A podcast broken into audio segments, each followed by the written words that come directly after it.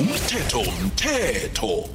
umthetho umthetho lihlelo fakele siba nalo qobe ngabomvulo ngalesi sikhathi siza eh, nezazi ngomthetho ezahlukahlukeneko siqala inhloko ezahlukahlukeneko ezizakhona ukuthi zihlomlise ube nelwazi ehlangothini lezomthetho siyazi ukuthi-ke nawuchadako eh kuba semandleni akho ukuthi ke eh uthatha isiqundo sokuthi uchata ngokwabelana ipahla namtjana ngokungabelani ipahla na siyazi ke kune eh in community of property lapho ekuthi mhla nihlukanako nayikhibenzi zokuhlukana eh lokhu okwami ngizenakho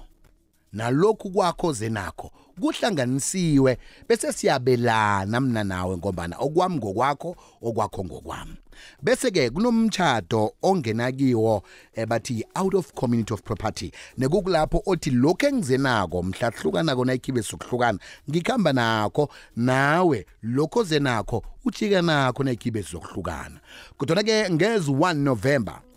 1984 kwaba namachuguluko abakhona eh ukuthi ke umuntu ochade naye out of community of property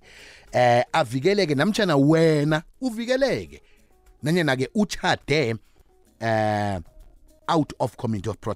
pro of property ukuthi sinabeleke ngconywana ngendaba engicoca ngayo le khona ke umasangana lotsha sithole awande biziwe kunjani na sikhona sikezwe ekhaya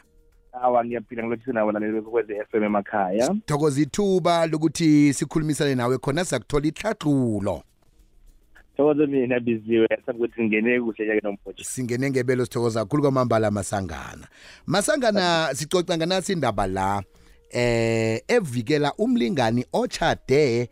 ngokungabelani impahla out of community of property eh ngengikuphi okuchugululwe mthetho okuza kuvikela lo esicoca ngaye namhlanje si asithome labiziwe eh biziwe before 1984 eh imitshato ebeyikhona boku either uchata in community of property namkha uchata out of community of property mhm eh is either nabelana ipahla namkha anabelana ipahla so usho ukuthi nanabelana ipahla usho ukuthi nanihlukanako namkha omunye nakalalako and then niyashara 50 50 and then lokha nakhibe anabelani ipahla omunye nomunye uphuma ngalokhu aze ngakho mhm. so manje uhulumente wa-introducer umthetho ekuthiwa i-matrimonial property act ngey'ngwani zaka-1984 november mhm. le le matrimonial property act ya-introducer elinye ihlobo lomtshato lokuthi asihlanganyeli ukuthi asihlanganyeli impahla kodwana siyakhona ukuthi sishere lokhu esibe nakho lokhu asesitshadile ngamanye amagama nangize ne-hundred rand ngiyakhona ukuthi i-hundred rand lezi akuhlale ibe ngeyami mm. bese siyatshada awungezi nalitho siragele phambili ithi nasihlukanako sihlukana mina sengina 150 rand sengibala ne-hundred rand leya and siqala wena ngalo ukuthi unamalini wena awukabi ukuba nemali mm. then sithi kune-hundred and fifty randa le sikhupha le hundred rand engize nayo kuleya fifty randa lena siyayishera yona sithi thatha twenty five rand nami ngithathe twenty five rand kuthi sishera lokhu esibe nakho lokha sesitshadile kuphela wow uyezwisisa iye manje-ke lehlobo elitsha lelo eli-introduce i-government libiza ukuthi i-accrual so Akruwa. manje-ke iye i-acrua Mm. yathi umthetho loyo nawungena esewula afrika ngoba nechuguluko emthethweni wesehlukanisi ekuthiwa i-divorce act yaka-nineteen seventy Mm. i-divorce act yaka-nineteen seventy ba-eda khona ama-subsection athi-ke lokha abantu nakhibe batshade ngo-out of community of property before ngo-1984 or before unakuthoma umthetho omutsha lo we-metromonal property act e. omunye wabo angakhona ukuthi nabahlukanako aye ecourt ayoku-aplya ukuthi cala-ke mina ngitshothe nomuntu lo out of community of property and zange ngibereke anginalitho kodwana into engizenzileko eh kulo mtshato lo ngikhonile ukuthi ngibeletha abentwana mm. khona ukuthi ngisebhe umyeni wami namkha indodani ukuthi ihwebo lakhe ikhule ngakhona nokuthi ngimenzele iincwadi zeblesahed yakhe ukuthi angaqasha umuntu ukuthi enze umberego loyo kwanjena-ke ngoba sesiyahlukana angikwazi ukuhamba nginganalitho qala-ke amandla wami engiwafakileko la nami khe ikhod ingabele okuthile kulokhu anabo ngiphume nasamthini kodwana-ke lokho bokukhona for abantu abatshade out of community of property before 1984 hmm. manje-ke kwaba khona umuntu olilako um, umma ekuthiwa ugrailing umma okuthiwa ugrailing alila ayekhode e-high court epretoria ayokuthi awa umthetho lo njengoba uthi abantu abatshade out of community of property before 1984 thina esitshade after 1984 usivalela ngaphandle mm. ngoba asinalo ilungelo lokuthi singaye court sokuba ukuthi nathi sisherele okuthizwe amandla ethu esiwafake emtshadweni hawa abalilize bese ikhodi yavumelana nabo-ke yathi-ke ukuthoma ngedate ye-judgment idate yale judgment lena kwaba unyaka ophelileko ngezi sengibona i-date ye-judgment yaba yaba unyaka ophelileko lona towards um eh,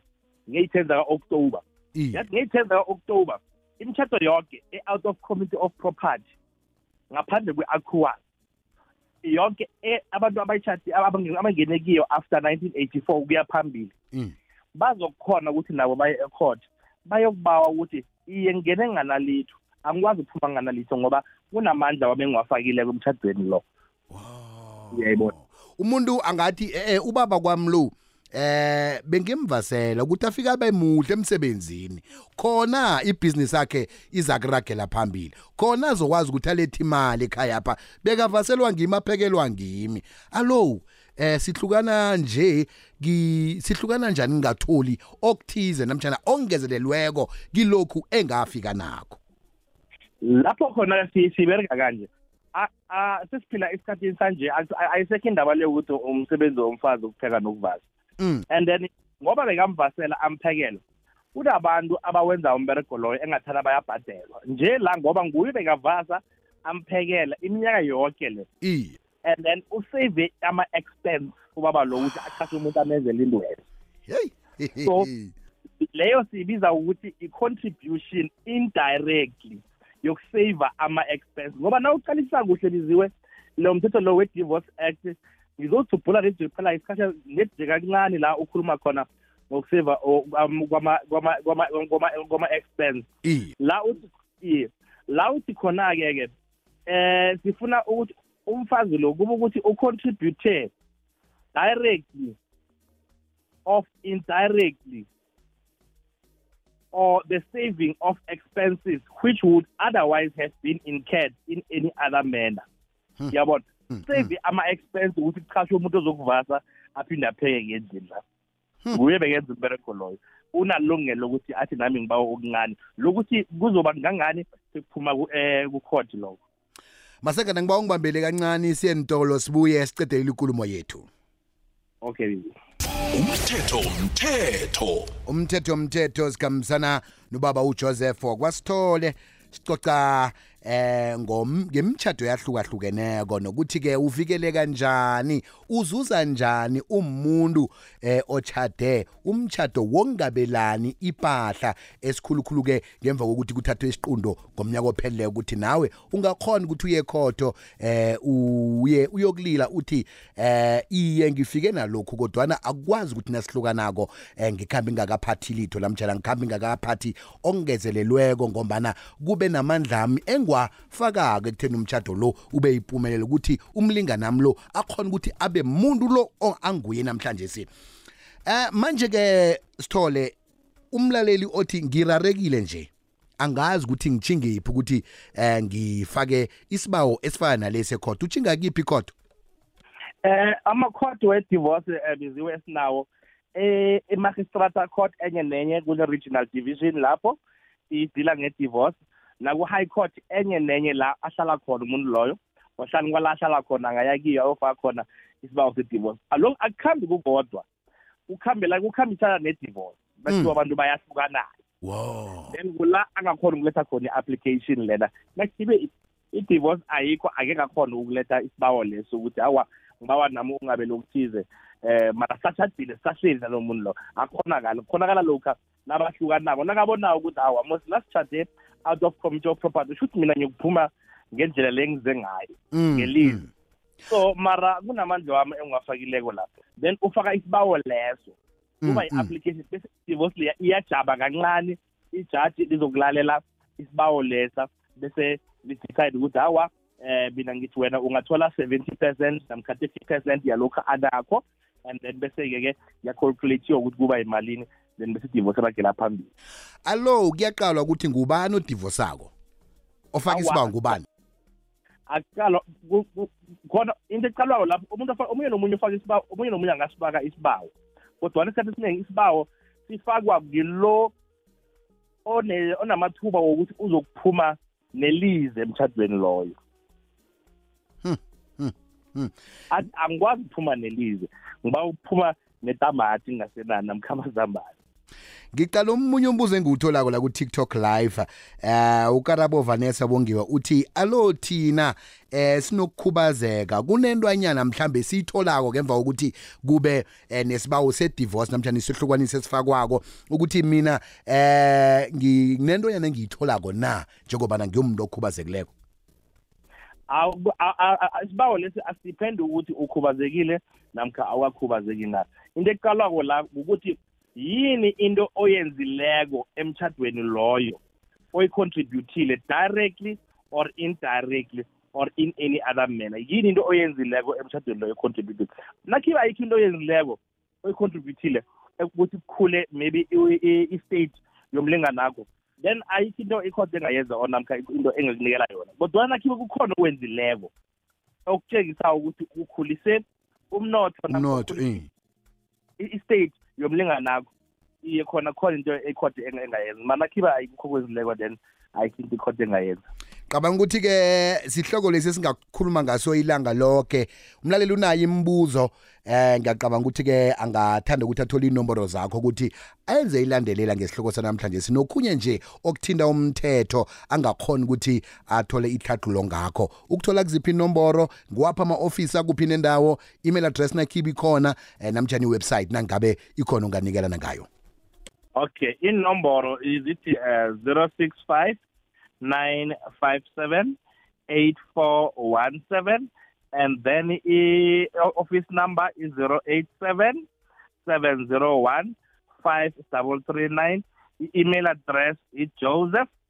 at jvsattorneyinc co za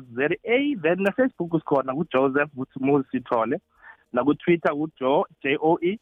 underscore mavusana sikhona lapho ngibawa siyibuyelele godi imininingwana leyo kwenzela ukuthi ongakatloli kuhle akhona ukuthi atlole kuhle all right inomboro yi-zero six five